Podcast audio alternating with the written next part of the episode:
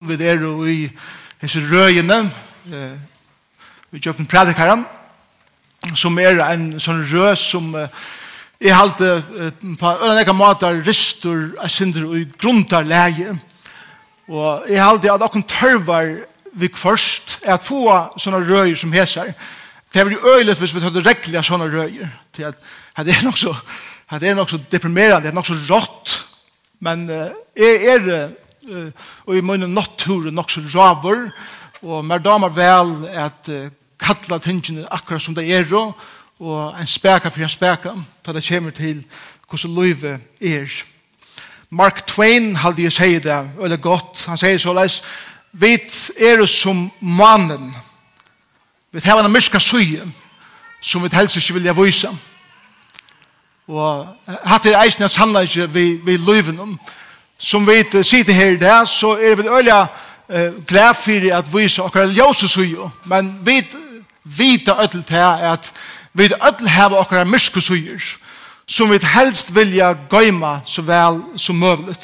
Og vi vet hvordan det er at menneskene hikker etter tog utvarstes, men god hikker djupt inn i hjertet, og han ser nek djupere inn i hjertet enn vi suttja.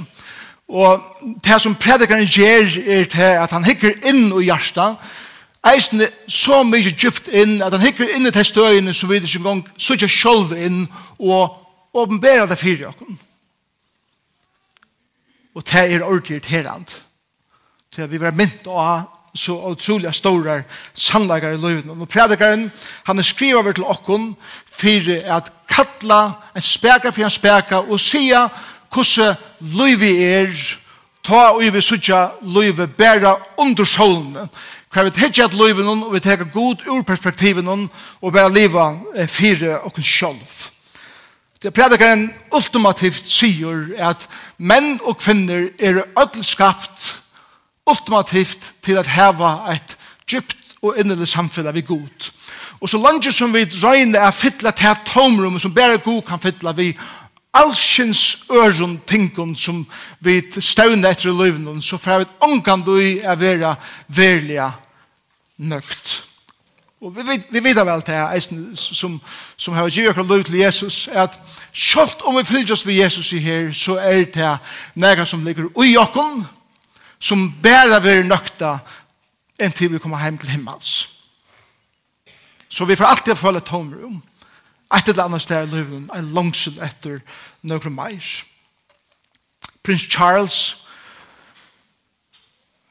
da man hikker at honom, så, så hikker man at den mann som man huksar, det er mer som hever alt. Han, han hever kurser ergång til alt. Til, til få ting som er mer som han ikke eh, på enkla måte kan få. Vi antall betala seg til det, eller krevja det i sin makt.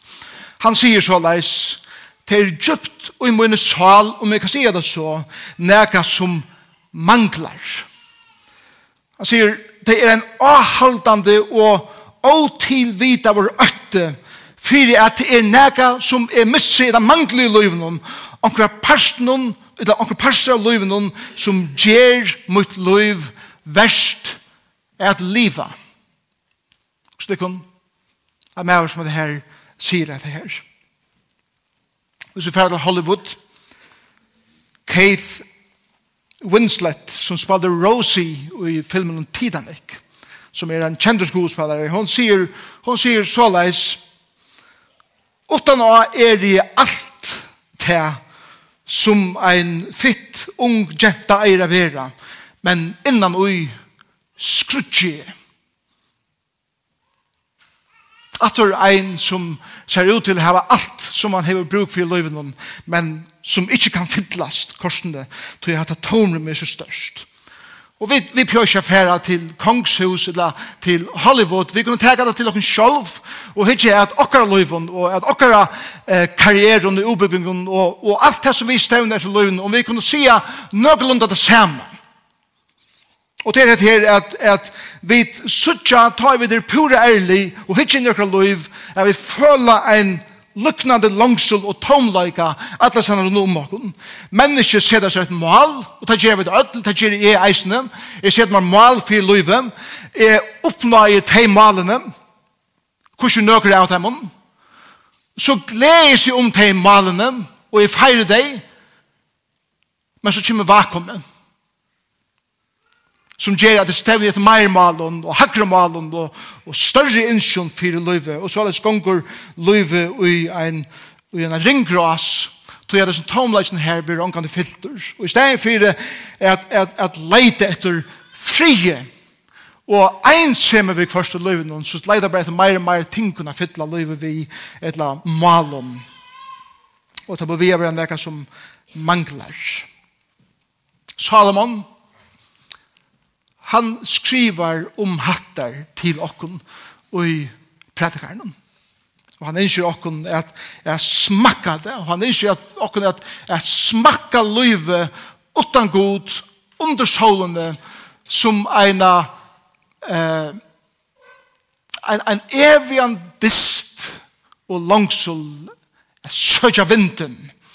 Og vi kjenner vind i fyrjun, gjør det? vi vera vel vid blåstum koll. Her tid nærgrann du tar det gynnsi ute, og kvilna er komnar, her tid nærgrann du prøve at teka ui kvilna er. Og sier, nu fyrir du gjort litt. Har du prøvd dem? Det rykker slett ikke. Vinteren har ånga respekt for det her og mer. Han er nek større, nek sterskare. Og til, til det som Salomon sier, til som har regnet at teka i kveldene, men det er faktisk fætre i nøkron. Og så er det løyve, sier Salomon, under solen, så, så nekve nokkara. Og tog sier Salomon at vi da ser i første kapitlet at ta vi hitje er at alle noen omvåken som er så trolig nek større enn vi, så vidt vi om vi var sanna, at vi har ikke kontroll, selv om vi halda vi har kontroll, og så nekken ting noen livet ultimativt, har vi slett ikke kontroll. Så sier Salomon, ok, la meg så prøve det intellektuelle.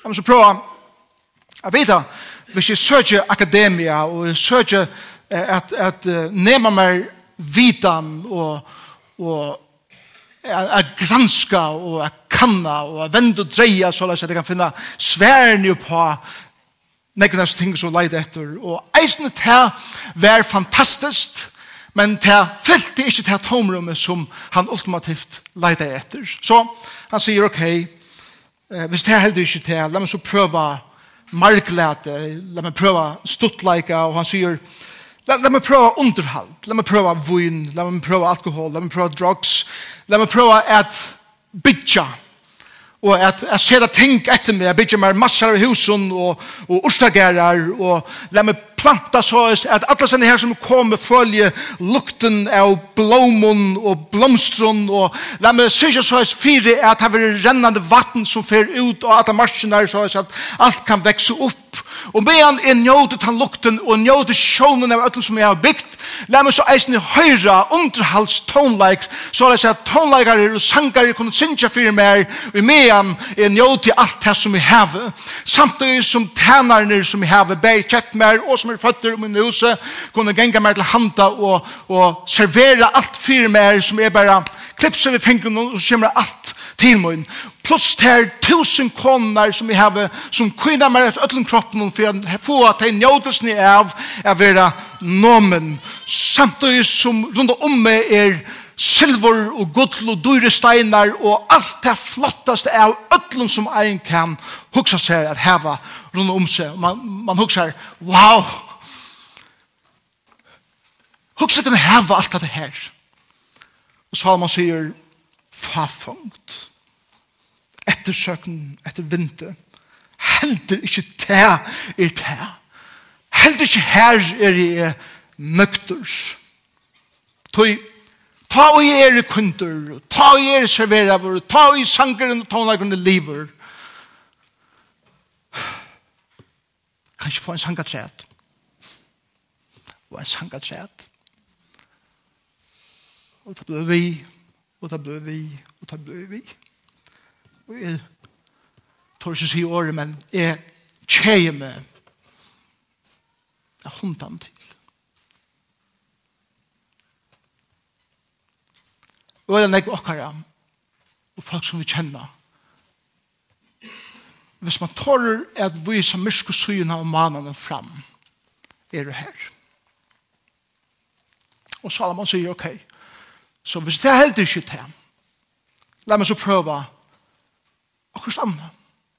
Kanskje vi har leidt meir, og til det som vi får hitje etter det, hva Salomon så gjør.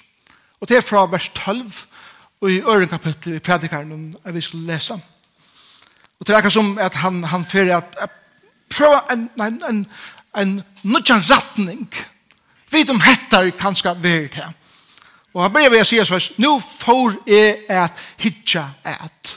Det er akkurat som han sier, jeg vil hukt et hesson, nå venter jeg mer, og jeg fer en ære lei, og jeg får prøve hitja et omkron nødjan. Så leser vi fra vers 12.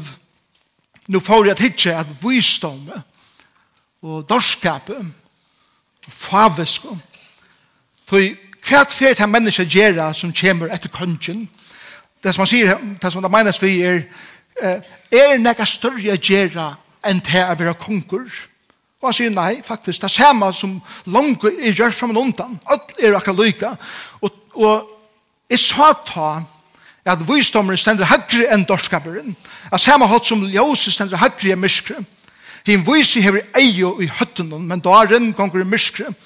Men det er det eisne jeg sutja, at øren gong som øren, ta seg ev i hjertamøynen, som darande gongst for å gengast mer vi.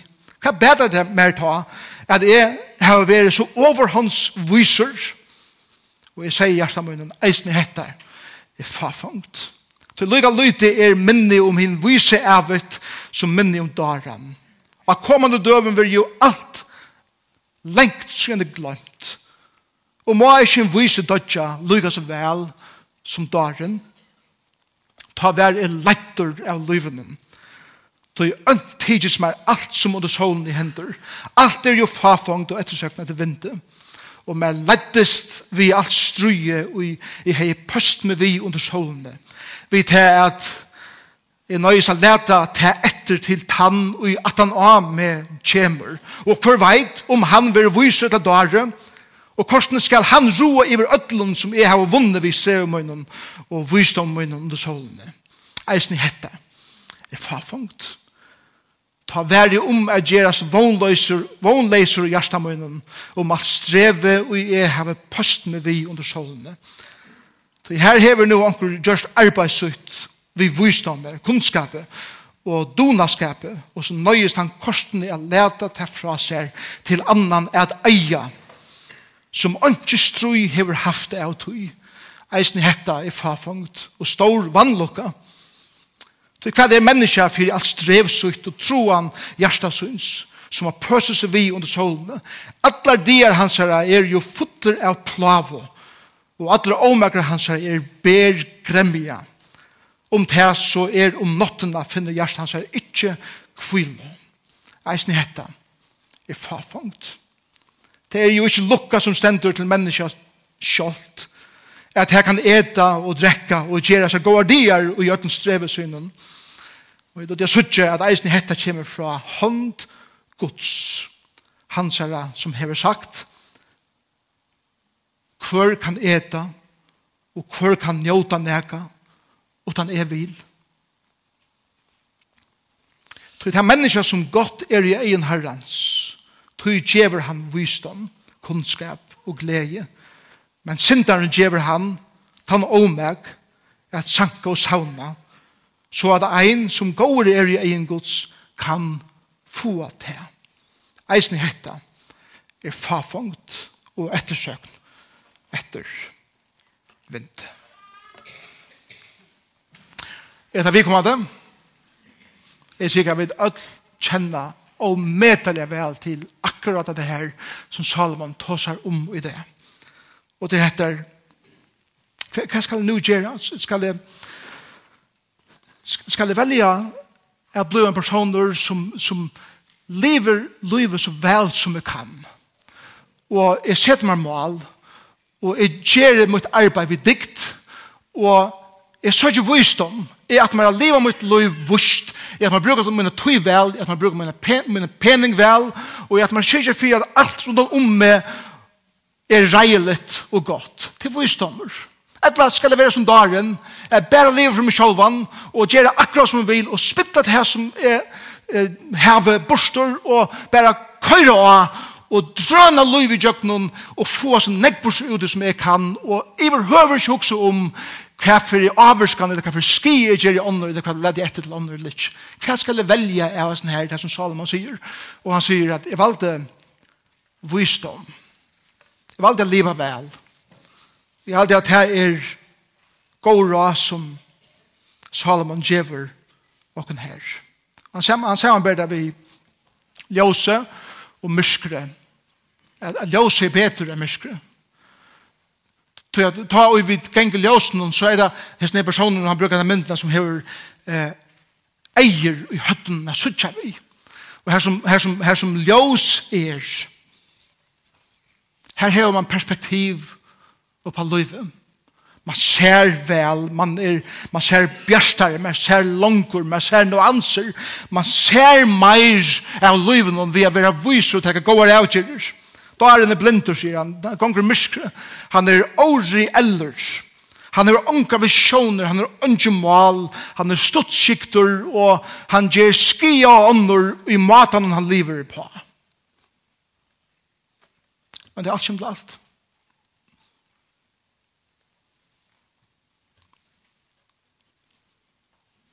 Så er vi det akkurat lykka. Hvor? til deg degen reker okken Deg en reker okken boer. Hva er det måneden? Vi er jo til løte vel her noen år og til tid til. Ønsken andre måneder. Og i vers 15 tar seg om gjæreferien. Gjæreferien ved Hilton. I vi bor. boer. Og at du har livet ut liv og på hva det andre måneder for å si at vi omtevet hun gjøre for, det er et ut mal.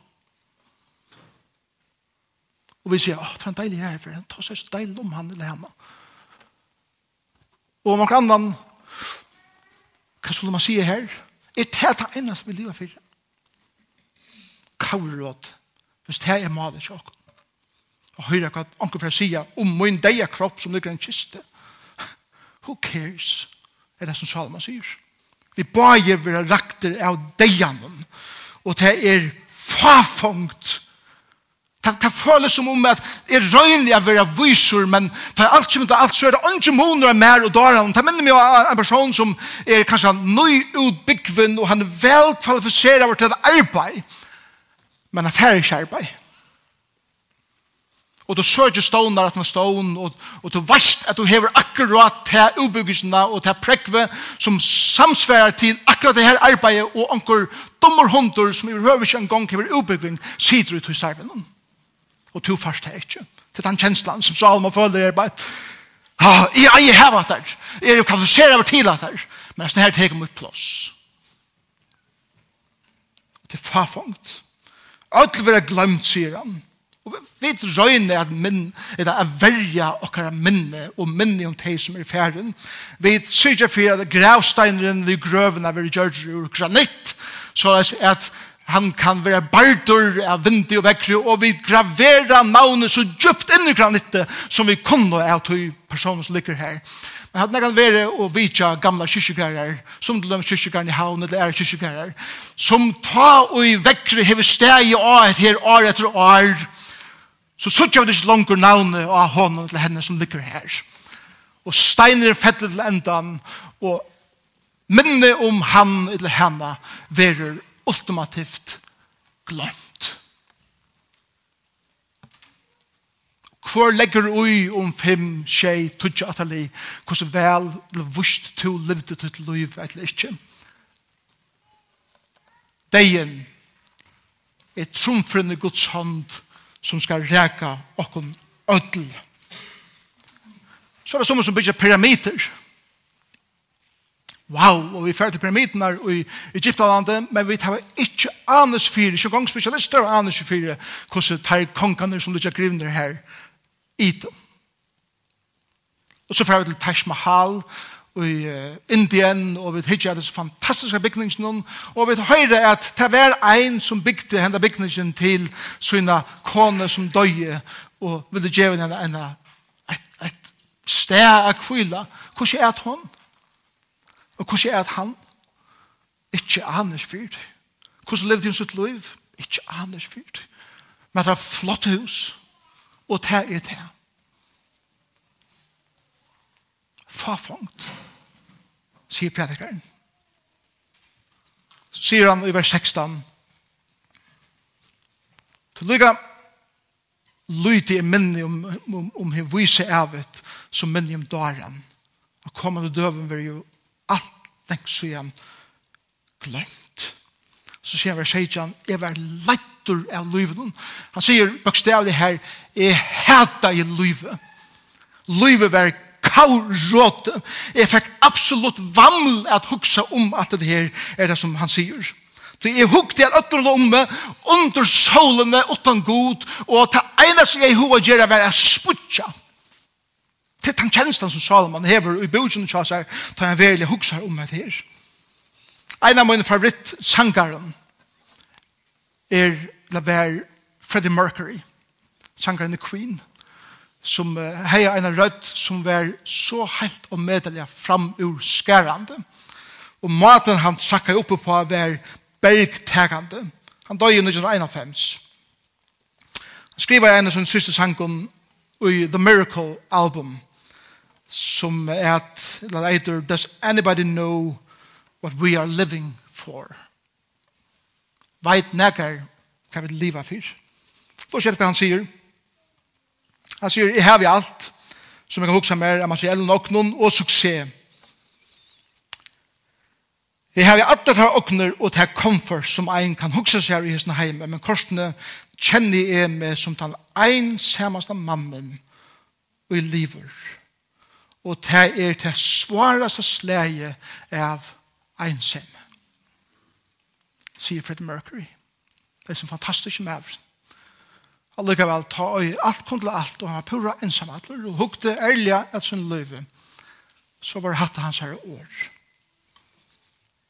Barry Humphreys, som er med som er kjent at det er Dame Edna show, jeg var ikke minnes det, at det er unngå tid minnes det ikke til. Han sier i sin bok, more please, så leis, jeg vil alltid hava meir. Jeg fikk ångan det nok. Jeg fikk ångan det nok mjölk ongan nok penger, ongan nok sex, ongan nok ferier, ongan nok mersekleier, plater, ta var det plater, eh, mat, viner, suksess, heraklapp og karlæka. Sjåvande, jeg har meir enn nok av den her som er korsende kjent i alt og en drepande tonleika. Og så spyr han spørningen, hva er det som manglar? Spørsmålstegn. Og Salomon sier, ok, all right, heldig ikke hatt det her til. Det gjør det samme om vi viser et eller dare, men han sier, forresten, men det er bedre å være viser, men minst til at deien dreger til boer, og til å være bøyer, eller boer, glemt. Så sier han, kanskje, kanskje skal jeg gjøre livet så leis at jeg får hukse om mine etterkommere. Wow, det er godt da. Nå får jeg hukse om de som kommer etter meg. Og i vers 18 sier han så leis, man lette som struje, som i heve pøst med vi under solene, vi til at en nøyest er leta til etter til tann, ui at han av med kjemer. Råte, sier han.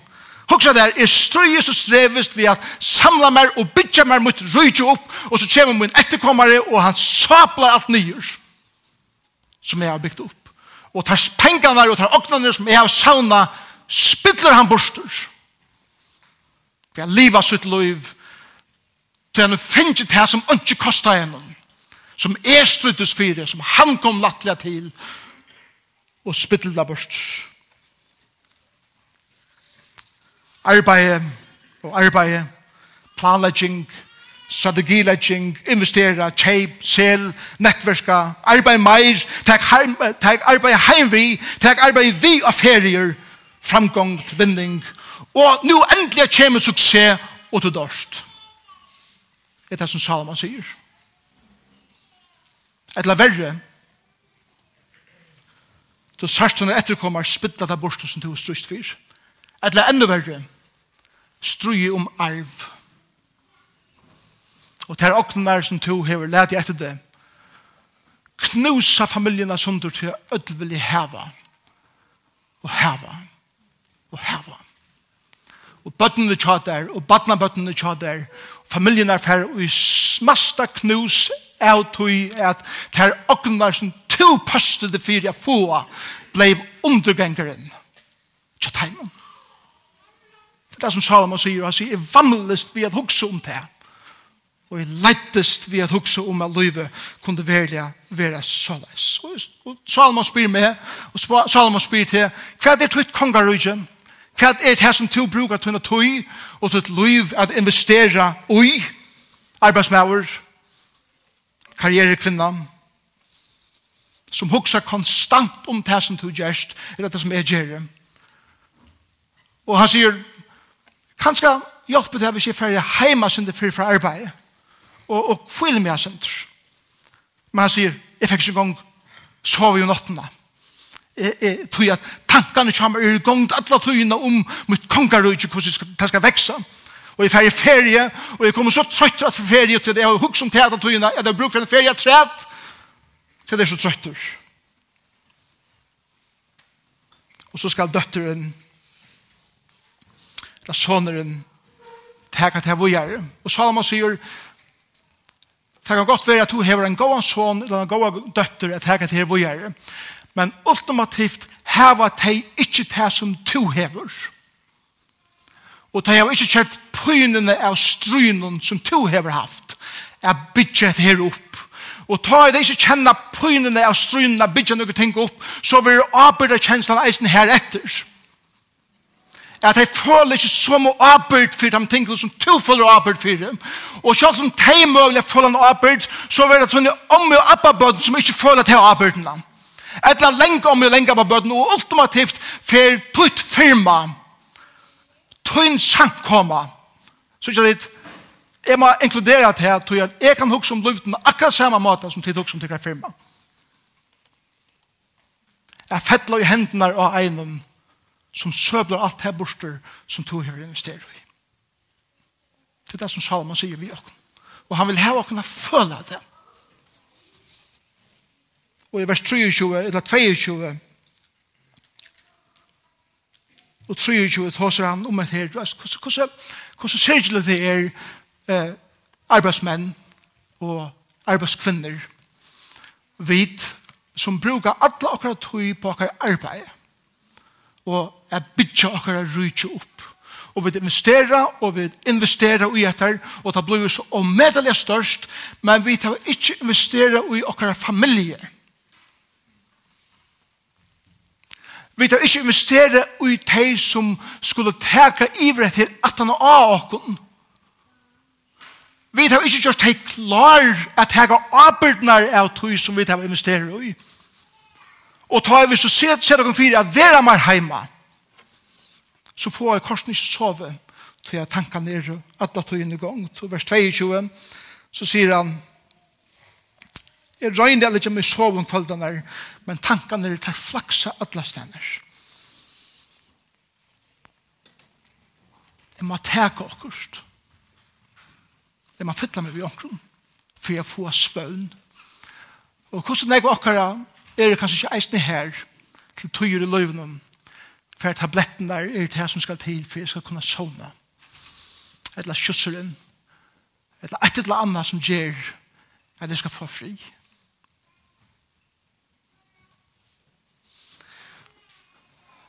Salomon tåsar fra erfaring kære tid.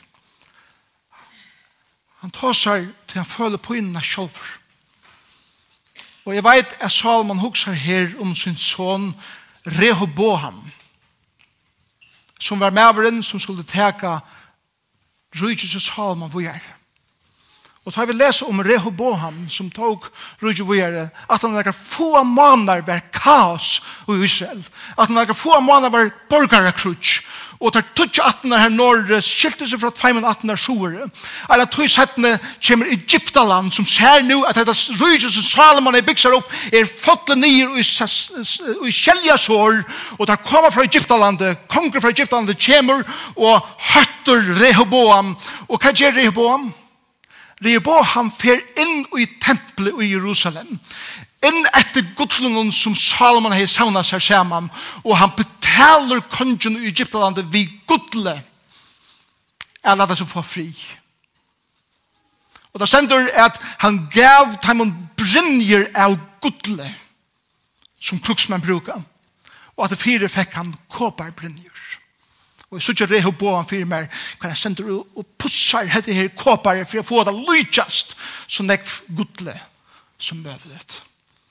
Og etter stått at hui hei jeg reho og lagt alt det som Salomon hei strust og passe fyrir. Mæveren tåsa fra erfaring Han kjente etter inn i sin egna hjärsta og han tar seg profetisk eisen til okkom at hukse om etter her. Og hva stender han vi?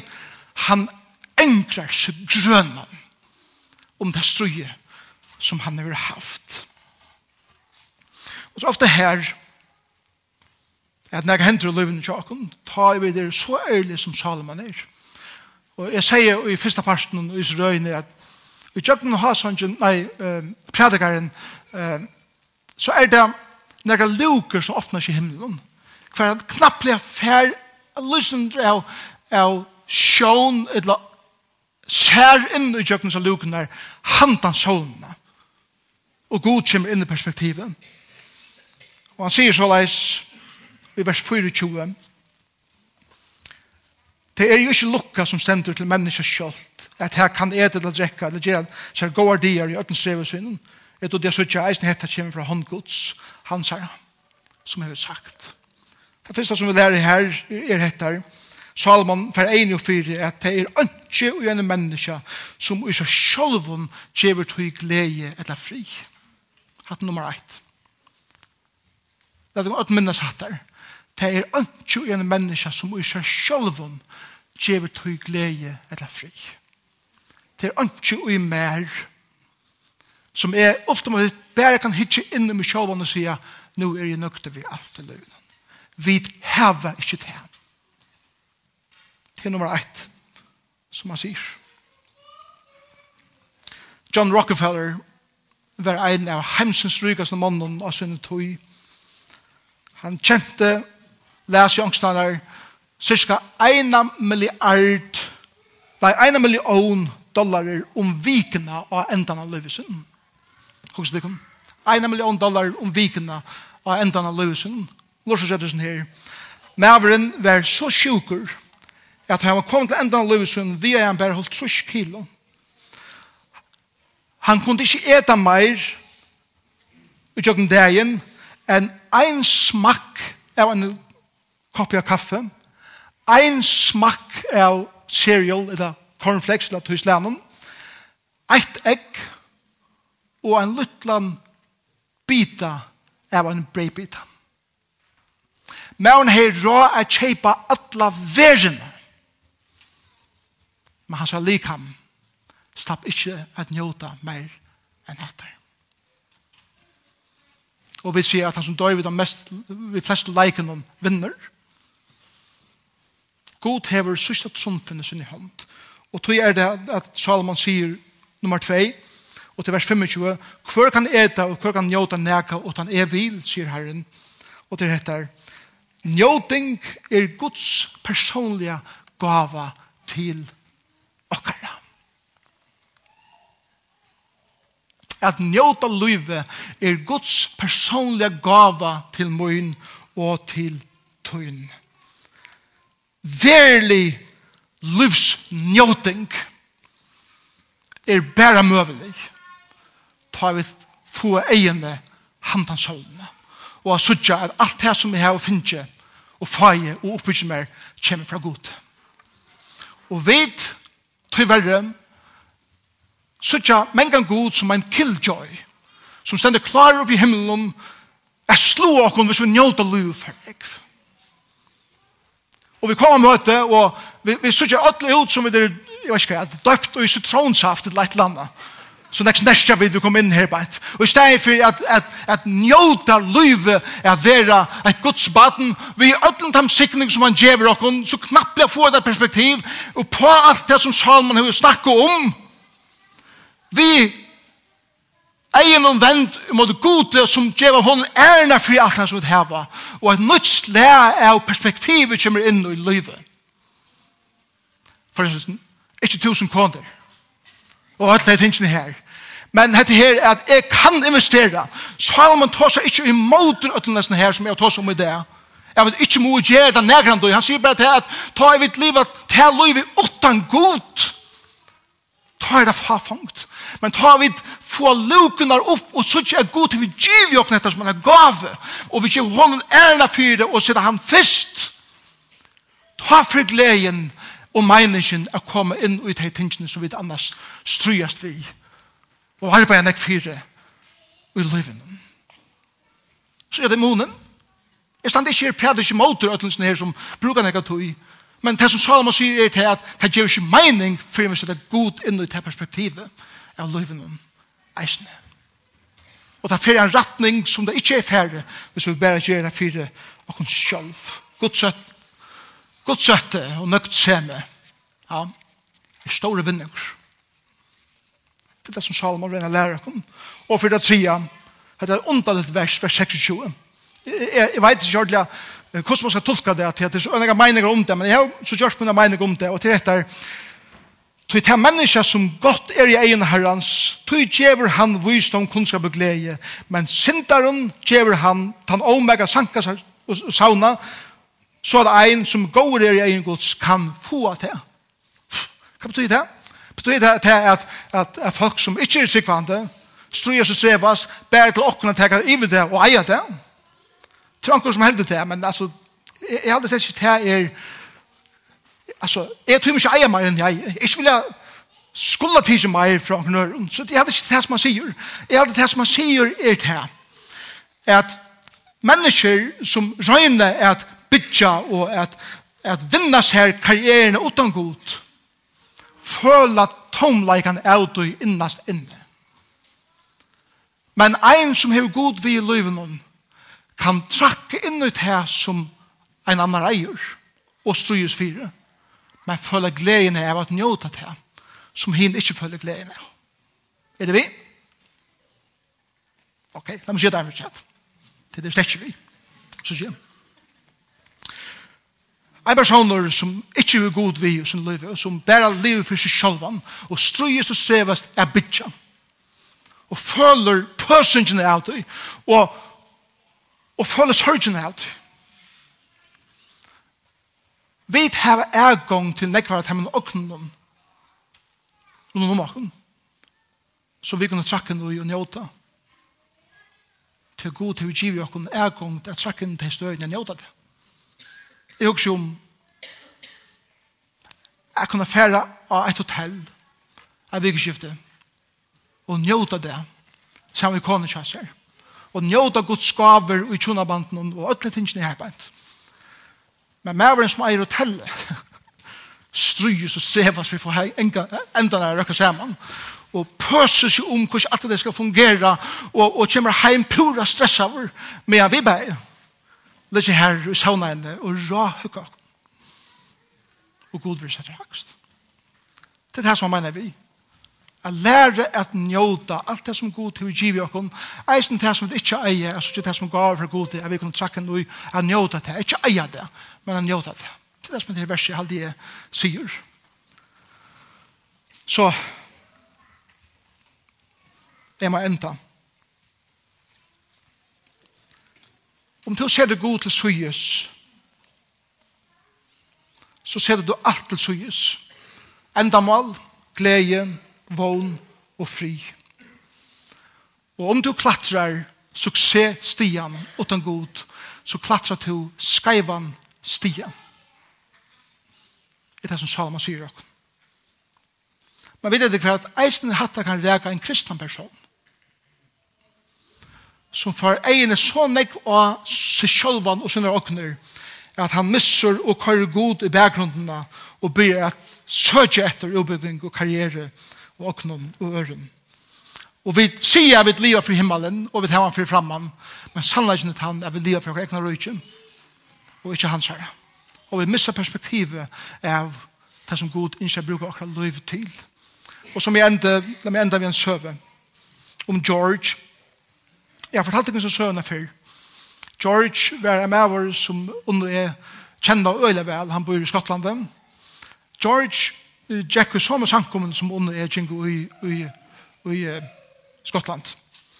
Han var i, og er i oljevennene. Han var en mange, mange millionær. Han har ergang til alt i livet. Han var fantastisk maver. Han elsket i herren og, og, og alle tingene. Han var sørst til trusjonen. Og kona så sier vi han, hva skal George, vi, vi har alt. Gåa kan så ikke pensjonerast. Så jeg sier at vi bare kunne, ødelig så sørst til åren vi heva bare njóta liv saman og njóta liv i affærast. Det er en av døtteren vi ikke gifta. Og vi heva det godt saman. Du prøver ikke arbeid mer. Så George sier, bare tro i året sett til at når tre år, så får jeg en særlig pensjon som gjør meg enda mer og på at det er millioner som har langt gått. Og når jeg får måneder Aaron George var kommet til her til at han skulle pensjoneres, ble kona seg sjuk. Vi galopperande krabba og døyr at han er få viker. Og han er bønn og bygge mannen om at bruka asindra tøy saman vi ser, og han sier boja. Ta ui i havet etter, så skal det. Og under jeg prata om enga vi George. Og vi glemmer enga det han sier tar. Og han sier sorg. Om det som han er, eller det er avgjørende som han er tidsk. Og jeg minns han sier vi okkur, han sier vi meg, kanskje jeg kan minns til at ta i til først å begynne noe sankum i fyrjen, og ta var det kom her til, så forstår han ofte ikke med over. Og måneden av at begynne sankum og begynne fyrtøk er ikke så stor til alt som er alt. Og to flere ofte ikke. Ikke glem at hun er kone, og ikke glem at hun er bøten. Jeg glemmer ofte mine kone, og jeg glemmer ofte mine bøten. Men rødden til George ble vi å komme atter til meg. Og måtte rødden til Salomon og til George være det som ligger om en ivrokning her vikene som vi tidsje inn i okra løyv. Og vi tårer at tidsje at mysko syne mannen i okra løyve og tårer at katta en speka for en speka og spyr okra sjolv. Hvordan liv vi er? Liv vi er mitt løyv utan god og ettersøkna til vinte, etter røyne liv mitt liv, hver jeg setter god fremst, og han sier rydtje fremst, og investere ut det som jeg investerer jo i, til fremme for han sier rydtje. Er du her i det, og du kjenner ikke Jesus som til frelsere, så plattar du på et skremmens stil. Bare Jesus gjør mening, og kan fylla det her som vi leide etter i løven, og ingen annen og ikke annet. Jesus Kristus døye for det og for meg av Golgata Kross. Han gav sitt liv, han kom av himmelsens hatten, og han sa rydgjødømme ned til okkara for å offre seg selv for det og meg, for å gjøre ter og meg ergångt til ham, til søgn. Vil du gjør til liv til Jesus i det? Og om du er her, og du har givet ut liv til Jesus, men du vet at det er sånne andre ting i livet som fytler med, og som regner med. Tår du å prioritere disse vikene? Og se deg noen mål og sier, jeg vil. Ikke enda som Salomon og sier at jeg hater livet. Men jeg vil si at det som jeg gjør, det skal investeres i noe trygg. Vi gjør at her som vi gjør så vel som vi kan. Og gjør herren om mitt versk i hånd. Og suttja han gjør at her som bæra han kan gjøre. Vi tøyner åkner, og vi tytt arbeid, og vi tøyner karriere, og vi tøyner vitan. Vi har bruk for sånne her, bare som sankoma, som familier og som arbeidsfolk.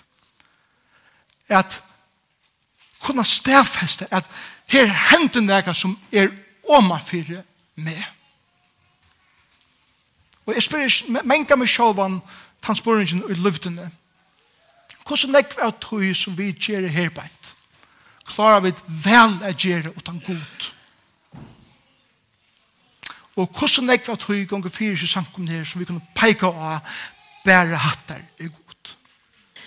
Og jeg vil nå dra av sånn at det er nekk meir av det fyrre at vi klarer å funnet utan god og sånn nekken tenken men en sankom er en sankom at ha ting bryr så just hver bæra god og det er erne for og måtte vi komme her til som sankom